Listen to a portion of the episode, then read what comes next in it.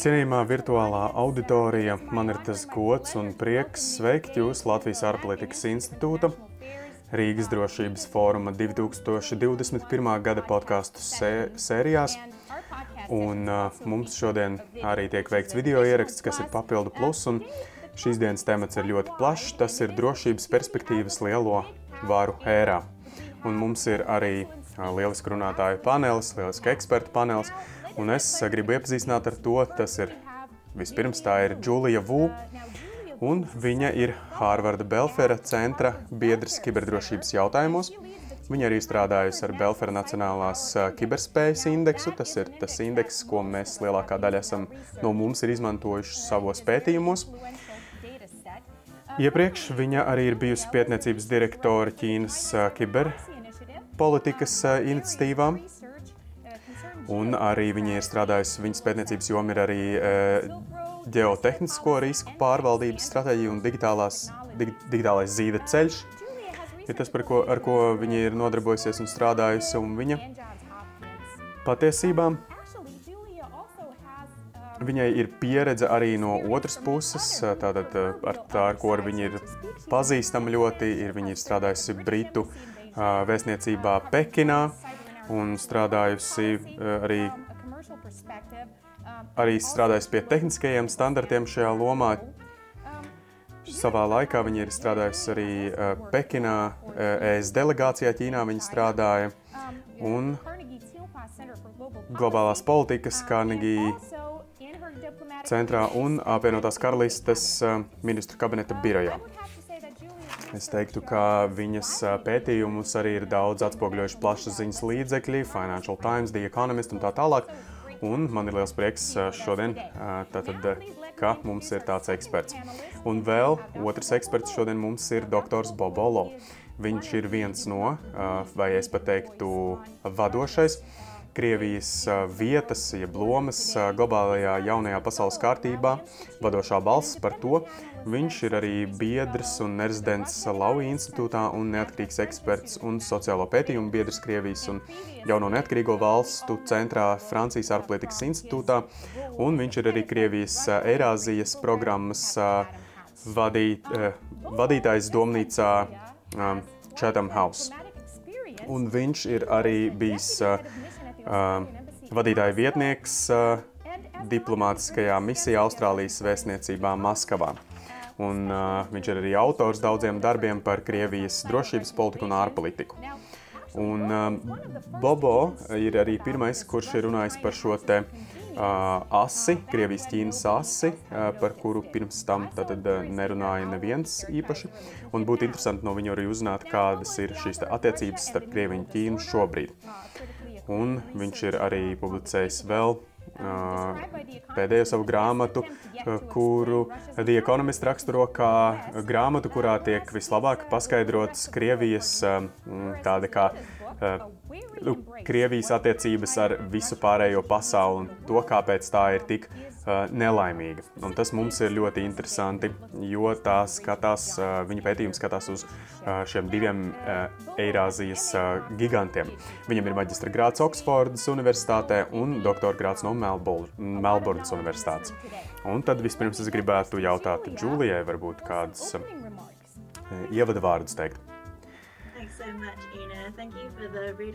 Paldies liels par šādu siltu uzņemšanu un ar prieku arī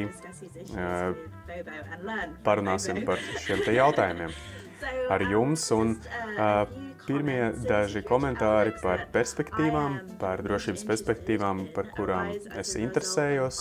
Tas ir, tie ir jautājumi, kas saistās ar kiberneatkarību. Šo tematu ietvaros ir noteiktas darbības, kuras mums vajadzētu apskatīt un kuras ir interesantas turpmāko dažu gadu laikā. To, kā strādās valdības, kā notiks manipulācija ar informāciju un arī konkurence tehnoloģiju pārvaldībā un vadībā. Ar kiber uzbrukumiem.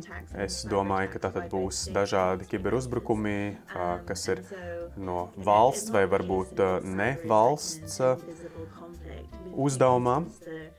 Un tam būs patiešām īstas sekas noteiktas. Un jau šobrīd mēs saprotam, ka uh, hakeri var iekļūt arī dažādos uh, tīklos, un tas jau ir.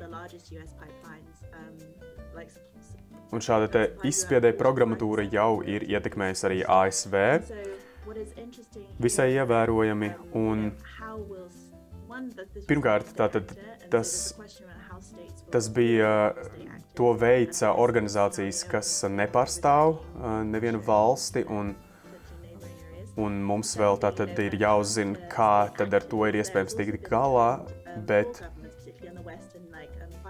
bet uh, ja tie būtu, uh, ja tās būtu organizācijas, kas pārstāv kādu valsti, tad arī tātad kāda būtu atbilde pret tām. Un otrkārt, ir informācijas manipulācija, manipulācija ir informācijas vidi, tā būtu uh, nepatiesas informācijas izplatīšana.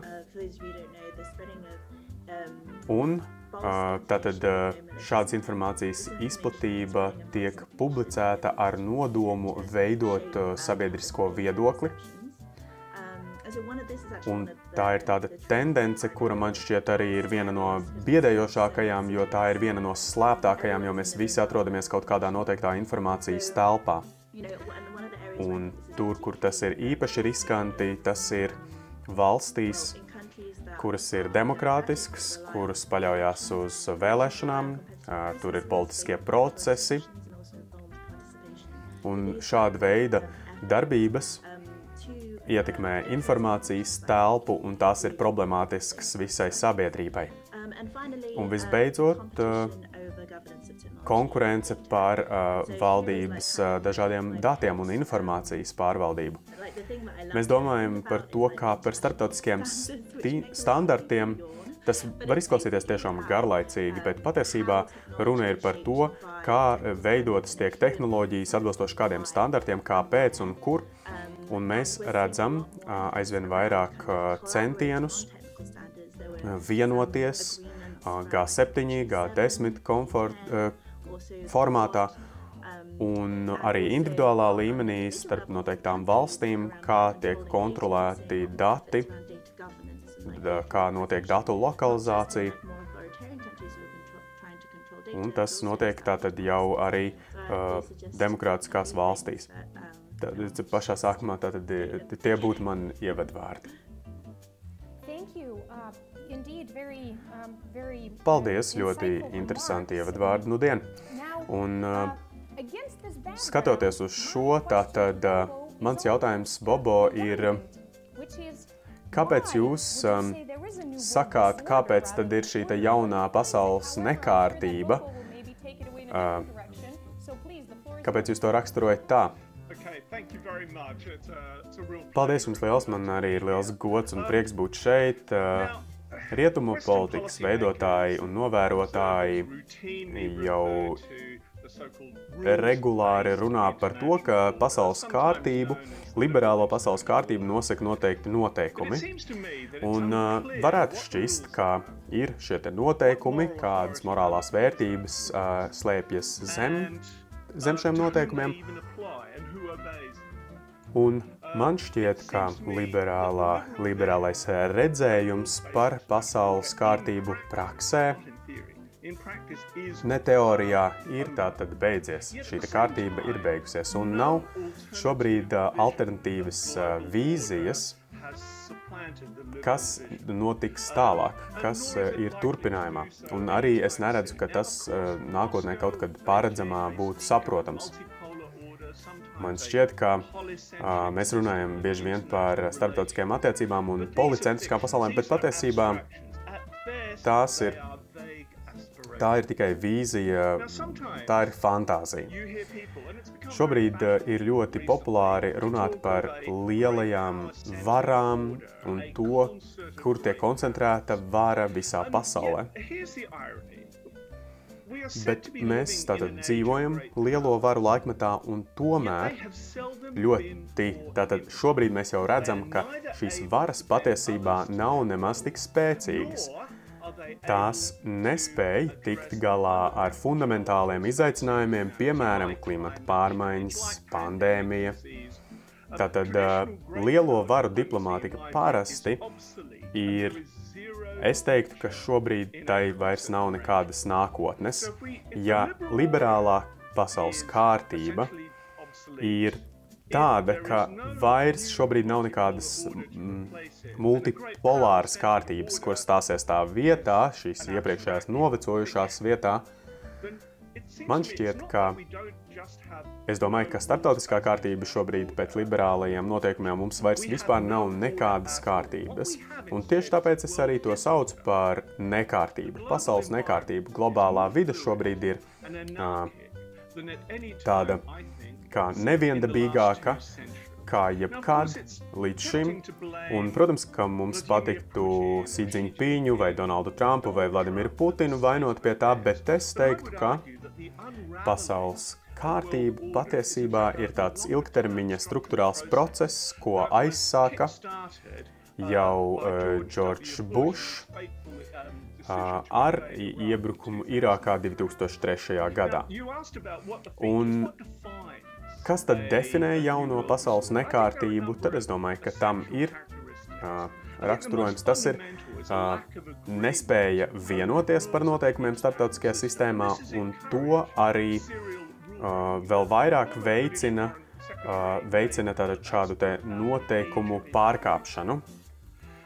Mēs redzam deuniversalizāciju.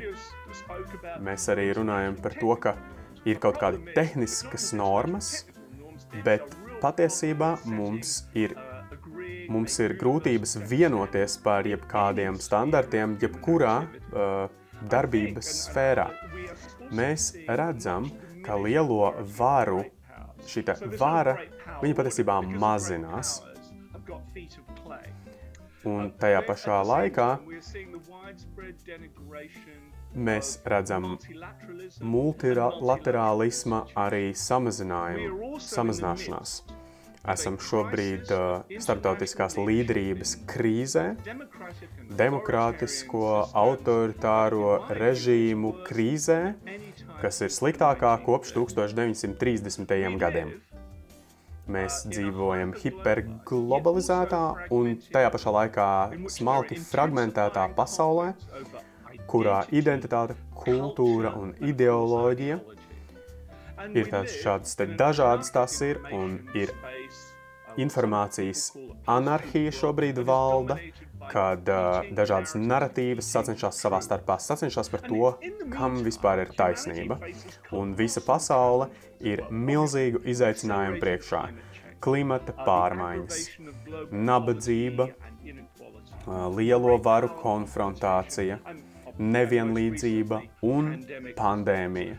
Valdības un sabiedrības cīnās ar to, lai uh, vispār varētu tikt līdzi informa informācijas transformācijām. Nekārtība nenozīmē konfliktu. Tomēr tas nozīmē, ka konflikts uh, ir ticamāks, ka tas notiks, un tas ierobežo arī mūsu spējas vispār pareizi reaģēt vai vispār kaut kā reaģēt uz uh, gan lokāliem, gan globāliem izaicinājumiem. Um, Tā būs lieliska, uh, lielisks, um, tātad uh, par to būs daudz jāpadomā uh, un uh, runājot par tieši globālo pasaules kārtību. Uh, Bobo, man īsumā gan vēl gribētos uh, pateikt, ka mums, mēs uh, regulāri lauž, laužam noteikumus, bet vai, nu, vai tad nav tā, ka šie lielie puikas vai lielās varas regulāri arī nepārkāpj kaut kādus noteikumus,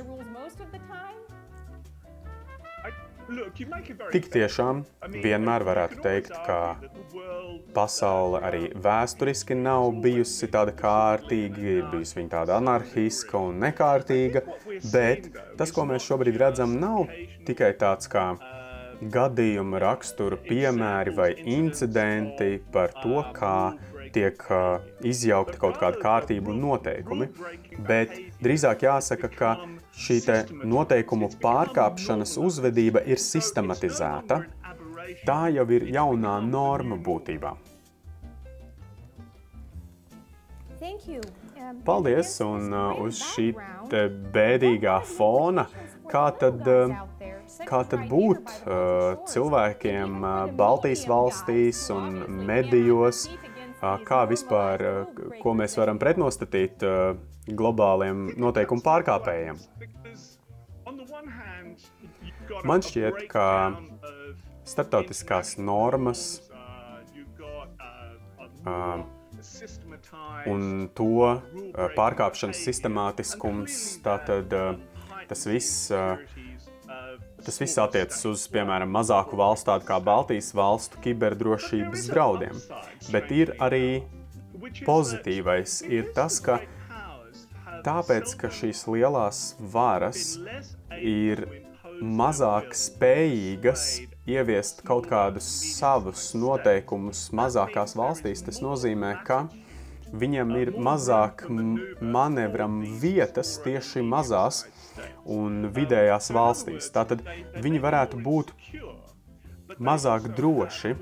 Tātad gan, es teiktu, ka šeit ir gan plusi, gan mīnusi, gan priekšrocības, gan trūkumi. Un Džūlija, Es gribētu tagad vaicāt jums, Bobo stāstīja, ka būtībā lielās varas kļūst vājākas. Bet uh, vai tas ir tas, ko jūs redzat arī viņu kibertelpā un darbībās šajā jomā, vai varbūt kibertelpā ir cits stāsts? Es domāju, ka kaut kādā ziņā jā, noteikti vājākas, bet kibervara um, tā ir pieejamāka mazākiem spēlētājiem. Piemēram, mēs veicam pētījumus par kiberdrošību. Mēs ne tikai pētām uh, dažādus kiberuzbrukumus, bet mēs runājam par visdažādākajām kiberoperācijām, kuras veicina valsts kopējo ietekmi un uh, spēju kontrolēt šo vidi. Tas ir tātad uh, šīs vides un uh, tīklu novērošana, informācijas tīkla novērošana, komerc ieguvumi no tās un arī starptautisko kibernormu ievērošana. Kā mēs to redzam? Tas nav svarīgi tikai valstī vai valdībai būt spējīgai veikt kaut kādas operācijas un uzraudzību, bet jautājums ir arī par nodomu. Ja mēs runājam par mazām vai lielām valstīm, piemēram, indeks pagājušajā gadā, tur nav nekāda pārsteiguma augšgalā. Tātad ASV un Ķīna. Un tad mums ir apvienotā karaliste trešajā vietā, kurai seko Krievija, un piektā vieta Nīderlanda. Tas ir tiešām pārsteigums ļoti daudziem novērotājiem, kad indeks eh, tika publicēts. Tas, ko mēs uzzinājām, ir, ka tas ir eh, to raksturo publiski pieejami dati, bet tas, ko mēs redzam, ka laukums tomēr arī kaut kādā veidā izlīdzinās. Lielākā daļa, kad mēs runājam par kiber spējām,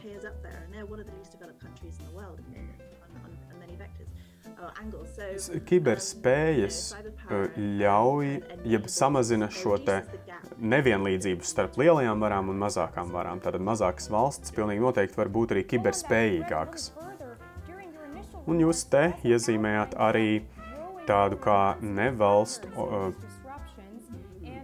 organizāciju, kas tad neatkarīgu organizāciju uh, varu, neatkarīgi no tā, cik spēcīgas vai cik liela vara būtu tieši valsts organizācijām, tad vai mēs varam runāt arī par to, ka kibertelpa un kiberspējas ir vairāk pieejamas daudz lielākai cilvēku grupai un, un tieši tāpēc varbūt, ka ir tātad organizācijas, kas nav piesaistītas kādai noteiktai valstī, dēļ viņu arī varas pieauguma, tad arī varbūt šīs lielā, lielās varas zaudē savas pozīcijas kiberdrošības jomā.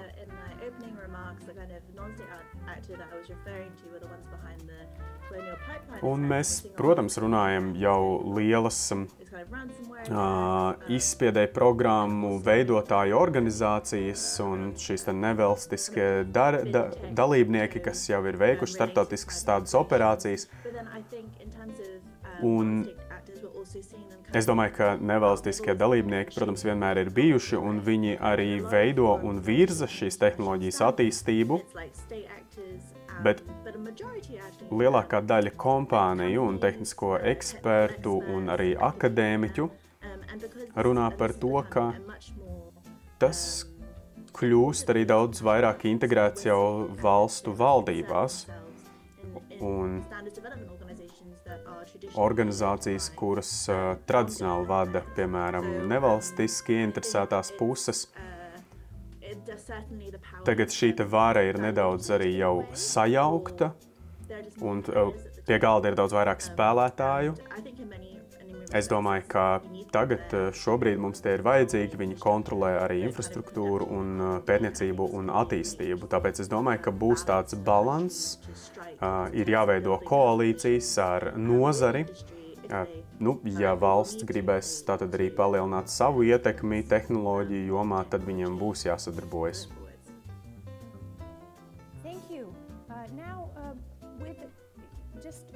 Tagad atgriežoties pie Bobo, Pamēģināsim tad varbūt sīkāk paskatīties uz um, varas uh, izpludināšanu, tādu kā uh, sajaukumu vairāk. Ko jūs domājat par Krievijas un Ķīnas attiecībām? Ko tas tām nozīmē? Un ko tas nozīmē? Un ko nozīmē Krievijas-Ķīnas attiecības rietumiem? Un jūs jau pētāt to tiešām arī daudzus gadus. Es vēl arī pirms uh, pievērsīšos šim jautājumam, es gribētu arī pateikt, pakomentēt no, par to, ko Džūlija teica. Man šķiet, ka ir ļoti svarīgi tas, ka problēma nav tajā, ka lielās varas paliek vājākas. Patiesībā vara ir vienkārši palikusi tāda kā vairāk mazinātāka.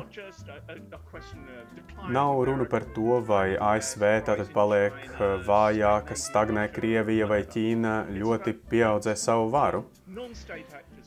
Šobrīd eh, nevalstu dalībnieki ir daudz spēcīgāki. Pilsoniskās sabiedrības dalībnieki ir daudz spēcīgāki kā jebkad. Piemēram, Brexit process parādīja to, ka sabiedrība un sabiedriskie dalībnieki ir ļoti ietekmīgi ārpolitikas veidošanā.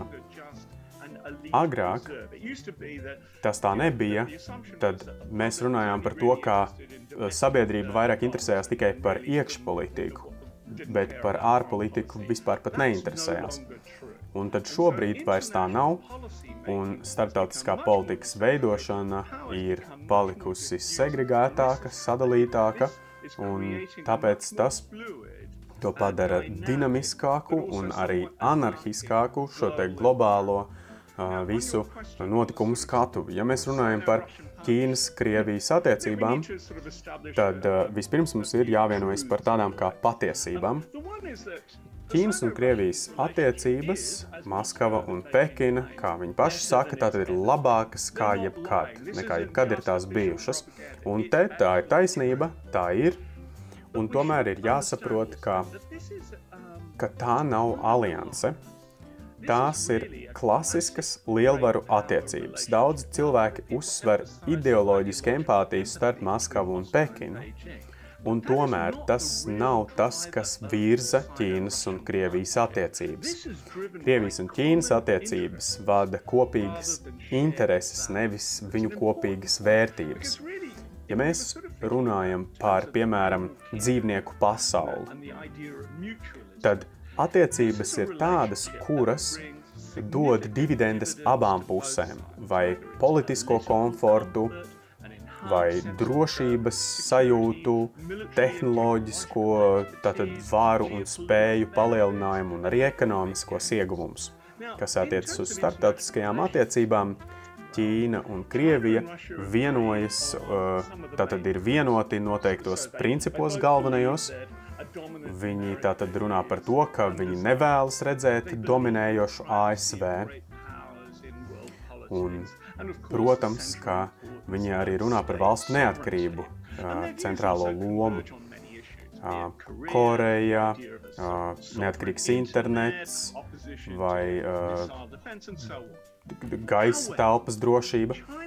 Bet tomēr Krievija un Ķīna ir autonomi strateģiskie dalībnieki, un viņiem ir atšķirīga pieeja pret starptautisko kārtību. Ķīna ir sistēmas spēlētājs, tā darbojas uh, jau esošajā starptautiskajā sistēmā, neskatoties uz visiem saviem trūkumiem un ierobežojumiem. Ķīnas intereses tiek ievērotas lielākoties, un viņi arī tās paši tā kā, izvirza pirmajā vietā. Tas eksploatē sistēmas priekšrocības, bet arī tajā pašā laikā trūkums. Un tajā pašā laikā Maskava ir sistēmas kārtības izjaucējs.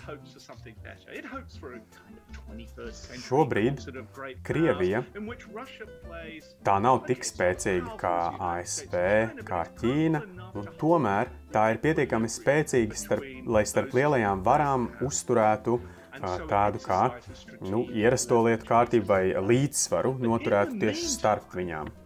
Un ilg, ilgtermiņā Maskava tad arī vēlas uh, iegūt labumu no uh, pasaules šīs nekārtības, jeb nepastāvības. Ķīna un fakts, ka tai ir uh, atšķirīga pieeja pret uh, pasaules kārtību, tai ir starp šiem divām valstīm ir mazāk koordinācijas. Daudz tomēr tam tic, bet patiesībā nav tur nekādas konspirācijas un vienošanās pret uh, rietumiem. Uh, Pekina darbojas atbilstoši pati savām iniciatīvām Āzijas un Klusā okeāna reģionā, bet Krievijai vairāk interesē Tuvie Austrumi un Eiropa. Un viņu, un viņu ārpolitika ir tiešām pilnīgi neatkarība un, neatkarīga un pašiem sava. Un nav nekādu šaubu, ka viņ, dažas no viņu darbībām ir bijušas tik tiešām nosodāmas, ļoti nosodāmas, bet mums ir iespēja jā, jāizmanto, ka liberālā rietuma, rietumu pasaules kārtība un tas, ko Krievija un eh, Pekina, Maskava un Pekina tam ir nodarījusi, ir tas, ka viņi ir izmantojuši mūsu trūkumus, bet viņi viņus neizraisīja. Tā es gribētu pateikt, ka šī rietumu kārtība pati sevi ir arī kaitējusi. Paturēt prātā, visu, par ko mēs esam runājuši, un arī to, ko Džūlija teica, tad um, tas princips, ka nu, Ķīna un Krievija ir paši sev uz sevi centrētas valstis, sistēmai mainoties, vai, vai tas vai tagad jau tā nemainās, vai tas nav tāds um, konservatīvs uzskats. Un vēl es gribēju pajautāt par Igoru Ģiņīsova uh, teikt to par to, ka Krievija vairāk norobežojas no Ķīnas, ka Krievija zaudē, zaudē un nododot Ķīnai lielāku kontroli. Un tad, tad kā ir šī norobežošanās analīze, vai jūs vispār tai piekrītat? Un tad man būs vēl viens jautājums jums, tad arī nenolaidiet pildspalvu. Um, okay, so, uh... Jūsu pirmais jautājums um, ir saistīts ar ideju par Krievijas un Ķīnas tātad, stāvokli, valsts pozīciju un vai tas nav novecojis vai nav novecojis šī koncepcija. Es jums piekrītu, bet problēma nav tikai uh, Krievijas un Ķīnas šie ideja, bet patiesībā katra pasaules valsts sākot jau ar Baidena administrāciju, problēma nav tikai ar Krieviju un Ķīnu, bet ar valdībām, gan demokrātiskām, gan autorikrātiskām un hibrīdām, ka katra no tām cenšas tad arī tikt galā ar 21. gadsimta izaicinājumiem, balstoties tieši uz savām valstīm, uz tādu tā kā nacionālu domāšanu. Un, protams, ka viņi uztver sevi tad, tad, mm, uztver sevi kā lielu prioritāti. Es neteiktu, ka tas ir tikai Krievija vai, vai Ķīna. Uh, otrā jautājuma daļa, vai Krievija norobežojas no Ķīnas un cenšas pasargāt um, sevi no tās ietekmes, gan jā, gan nē. Ko vēlas uh, Krievija ilgtermiņā? Krievija iztēlojas tādu tripolāru pasaules kārtību. Nav šaubu, ka ASV un Ķīna būs tātad, lielākās varas jau turpmākajos vairākās desmitgadēs. Noteiktā veidā Krievija arī saprot, ka viņi nevar ar viņiem uh, sacensties, bet uh, viņi var stratēģiski izmantot šo viduspozīciju un to, kas ir nepieciešams abām pusēm. Un tas ir tas, ko cenšas panākt Krievija. Putins, tā ir tā koncepcija, kad Krievija un Ķīna, tad visi domā, ka Krievija un Ķīna kaut kādā veidā kā vairāk saplūst un sadarbojas, bet Krievija patiesībā mēģina maksimāli izmantot uh, situāciju savā labā. Ķīnas un Krievijas partnerība ir spēka pastiprinājums Krievijas ietekmei pasaulē. Cilvēki runā par Ķīnas un Krievijas attiecībām un par to, ka tās ir asimetriskas vai nesabalansētas, bet, bet um, tā kā varētu šķist, ka Krieviju tas paverdzina kaut kā, bet fundamentāli es tam vienkārši nepiekrītu. Protams, ka Krievija ekonomiski ļoti atpaliek no Ķīnas, un tomēr Krievijai ir ļoti liels priekšrocības noteiktās jomās, un viņas priekšrocību uh, vidū ir tas, ka tā ir tik populāra Ķīnā. Tātad tas sniedz Krievijai noteiktas priekšrocības. Viņi ir perfektā pozīcijā šobrīd, un daudzas valstis izvēlas Tātad izvēlas tieši Krieviju kaut kādos noteiktos jautājumos uh, labāk nekā Ķīnu vai ASV. Daudzos jautājumos. Šobrīd,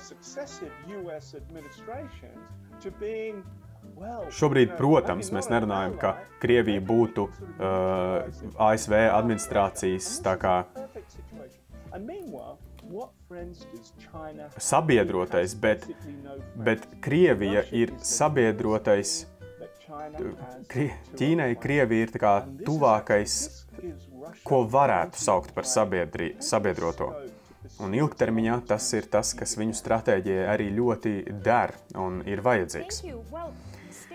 Protams, ka valstis var ticēt savam pārākumam, nu, tā varētu teikt, bet vai arī prioritāri var sevi nostādīt, bet um, mēs runājam par mik mikrolaterālām uh, laterāliem formējumiem, uh, kā lielās uh, varas starptautiskajā sistēmā arī uzvedas. Jūs jau arī uh, savā runā to pieminējāt, bet varbūt tad paiesim uz šo te nākotnes perspektīvām. Es saprotu, arī politiķi un politikas analītiķi un pētnieki varbūt viņiem nepatīk šis tieši temats, bet runāsim par, tagad par to ietekmi uz globālo uh, sistēmu.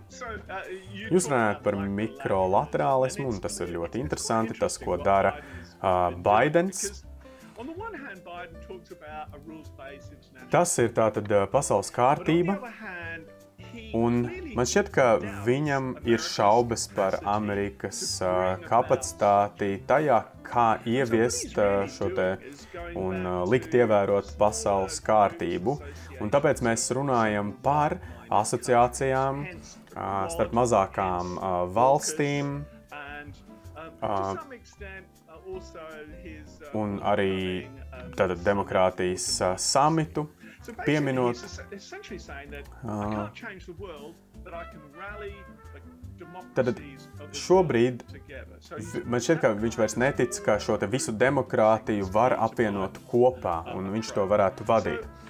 Man šķiet, ka tas, ko Baidens mēģina izdarīt, ir tāda kā. Uh, principā viņš runā par šīm liberālajām idejām, kas ir Džordža Buša koalīcija 2003. gadā, tad viņš teica, lūk, ir mūsu draugi, lūk, ir mūsu biedri, ar tiem mēs arī sadarbojamies un konfrontējam multidimensionālo uh, draudu, apdraudējumu uh, no Ķīnas. Uh. Protams, tas ir internacionālisms, bet internacionālisms arī ar piebildi. Kur tas viss virzās, esmu uztraukts. Es esmu uztraukts par to, ka konflikta potenciāls ir lielāks nekā tas ir bijis vairāku desmitgāžu laikā. Ķīnas un ASV attiecības ir sliktākas nekā 60. un 70. gados, un Trumpa prezidentūras beigās arī attiecības starp ASV un Krieviju ir ļoti pasliktinājušās, bet attiecības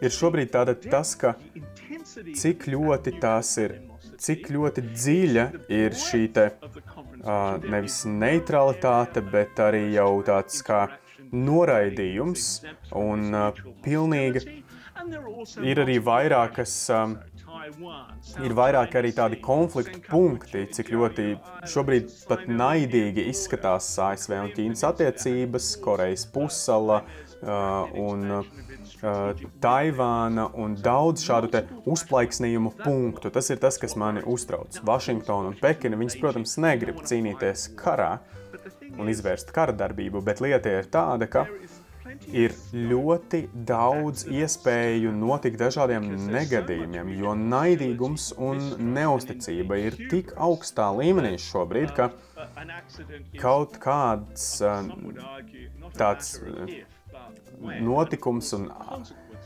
incidents jau patiesībā ir jautājums tikai laika jautājums, kad, nevis vai tas vispār notiks. Bet Krievijas un uh, Rietumu nu, attiecību sakarā es teiktu, ka arī tur uh, ir tikpat iespējams uh, arī uh, konflikts, jo mēs esam redzējuši eskalāciju ar Mos Maskavu pret Kijevu. Uh, šobrīd jau arī ļoti asi vēršās pret Ukrainas vispār neatkarību.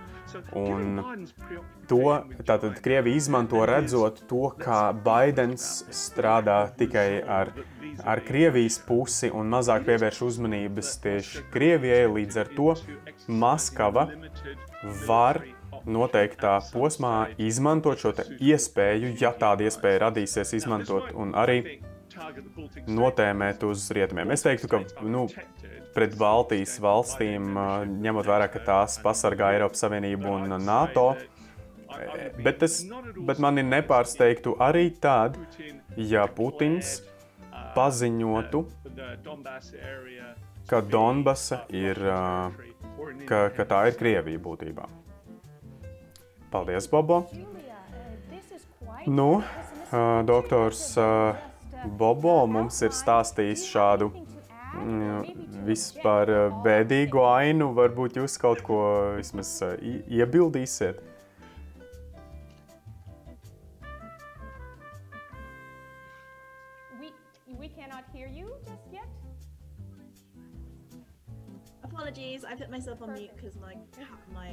Jā, nu es teiktu, ka Bobo perspektīva un eh, šis redzējums ir, es tam piekrītu. Paldies, bet tad man jautājums ir jums, kāpēc tad mēs vispār runājam par Krieviju kā par lielo varu? Jūs esat arī veidījusi reitingu par kiberspējām, jūsu komanda ir izstrādājusi metodoloģiju tieši kiberspēju jomā. Tad kur vispār šobrīd atrodas Krievija kā lielā vara? Kāpēc mēs Vai vispār mēs varam attaisnot eh, viņus uztveri kā lielam spēkam, varbūt mēs atceramies vairāk augsto kāru, vai varbūt mēs vienkārši uztveram Putina personību. Varbūt tā patiesībā izskatās lielāka nekā tā patiesībā ir. Tad neataino to, kāda ir Krievija. Bet varbūt viss ir pavisam vienkārši. Varbūt mēs vienkārši runājam par uh, kodolu valsti kā tādu. Varbūt tāpēc te ir tāds status. Kas attiecas uz reitingu?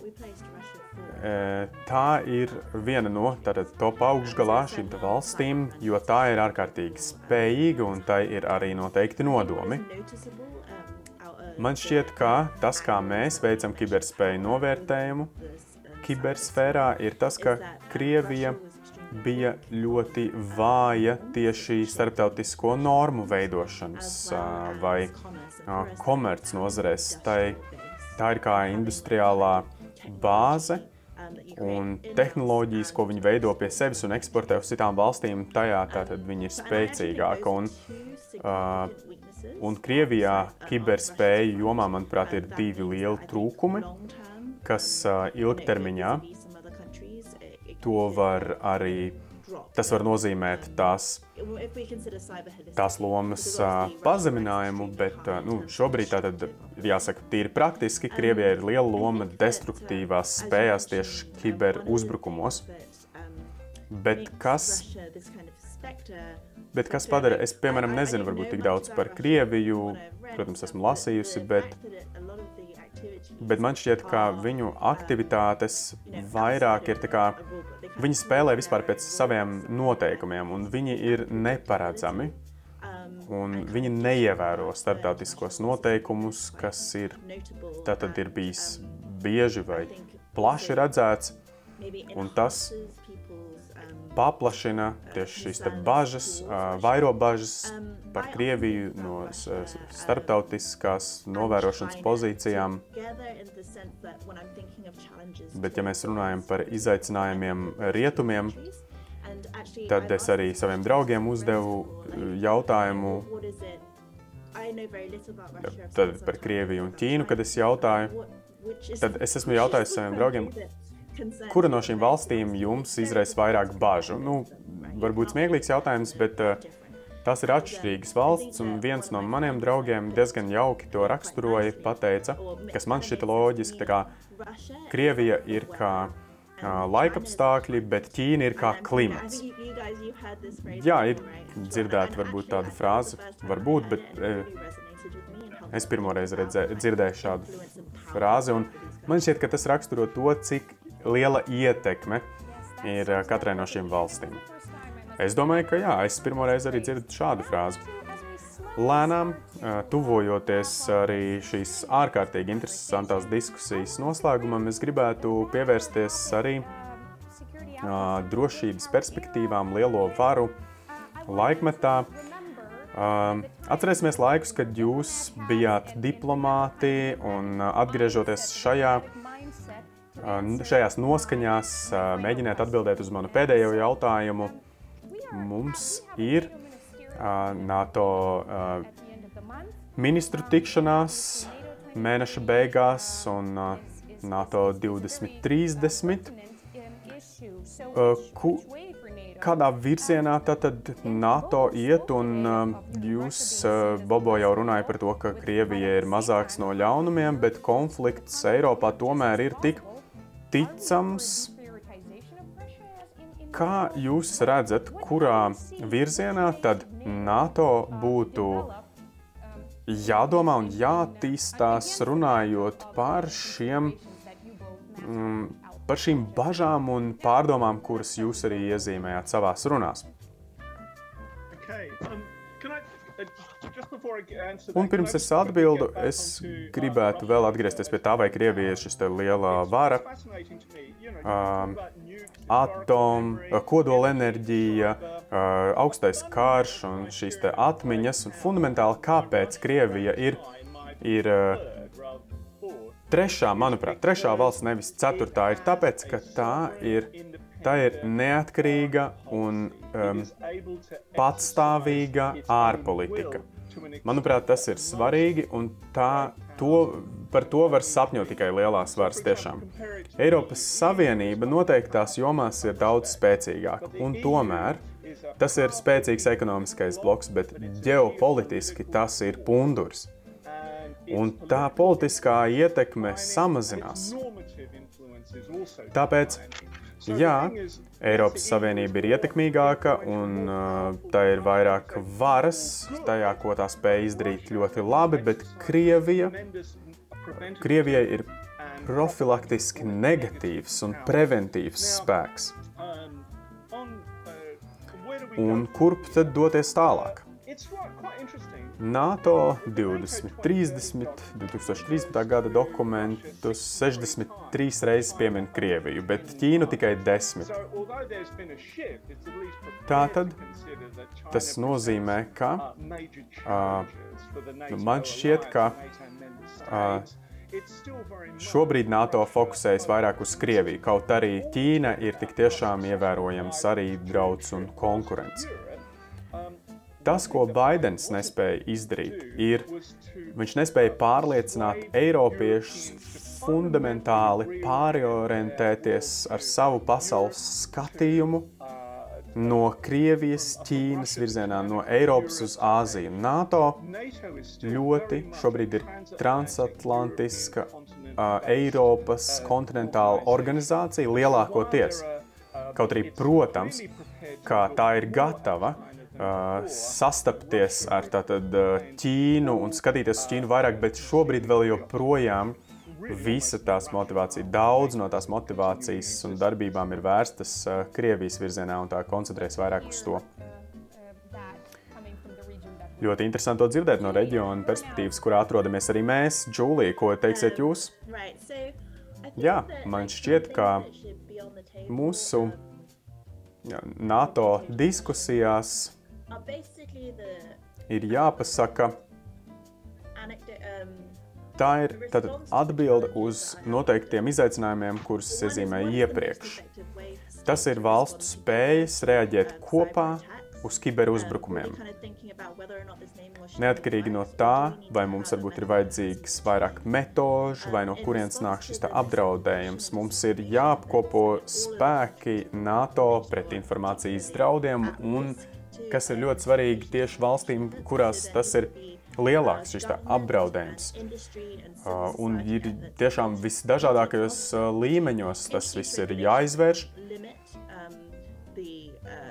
lai ierobežotu dezinformāciju un lai sabiedrība spētu analizēt kritiski uztvert arī informāciju, kas, ir publicē, kas tiek publicēta un padarīta pieejama. Ir jāveido tehnoloģiskās normas, tehniskie standarti, bet arī jārada Tātad, tas, kas balstās uz mūsu kopējām vērtībām un organizācijām, un mums būtu tās visos līmeņos arī jāizstāv visām nācijām kopā, Tie arī šie lielie soļi, kuri es uzskatu, kurus būtu jāspēr NATO un tādā veidā jāpārvar šis, šie izaicinājumi. Par Džūlijas teikto es nedaudz gribu pateikt, ka, protams, tas, kas mani uztrauc visvairāk, ir, ka Mēs rietumos, ne tikai NATO, ES, bet arī individuālās demokrātiskās valstīs, mēs kā, nu, saucam kaut kādos vārdos, vai arī mēs piesaucam kaut kādu pasaules kārtību, brīvo pasauli, vēsturi, mūsu dzīvesveids un tā tālāk. Bet tas nav tas, kā mēs, mm, kā mēs konfrontēsim lielās pasaules varas, ir īpaši Ķīnu un Ķīnas centienus pret mums, varbūt, vai kādas vērstās darbības.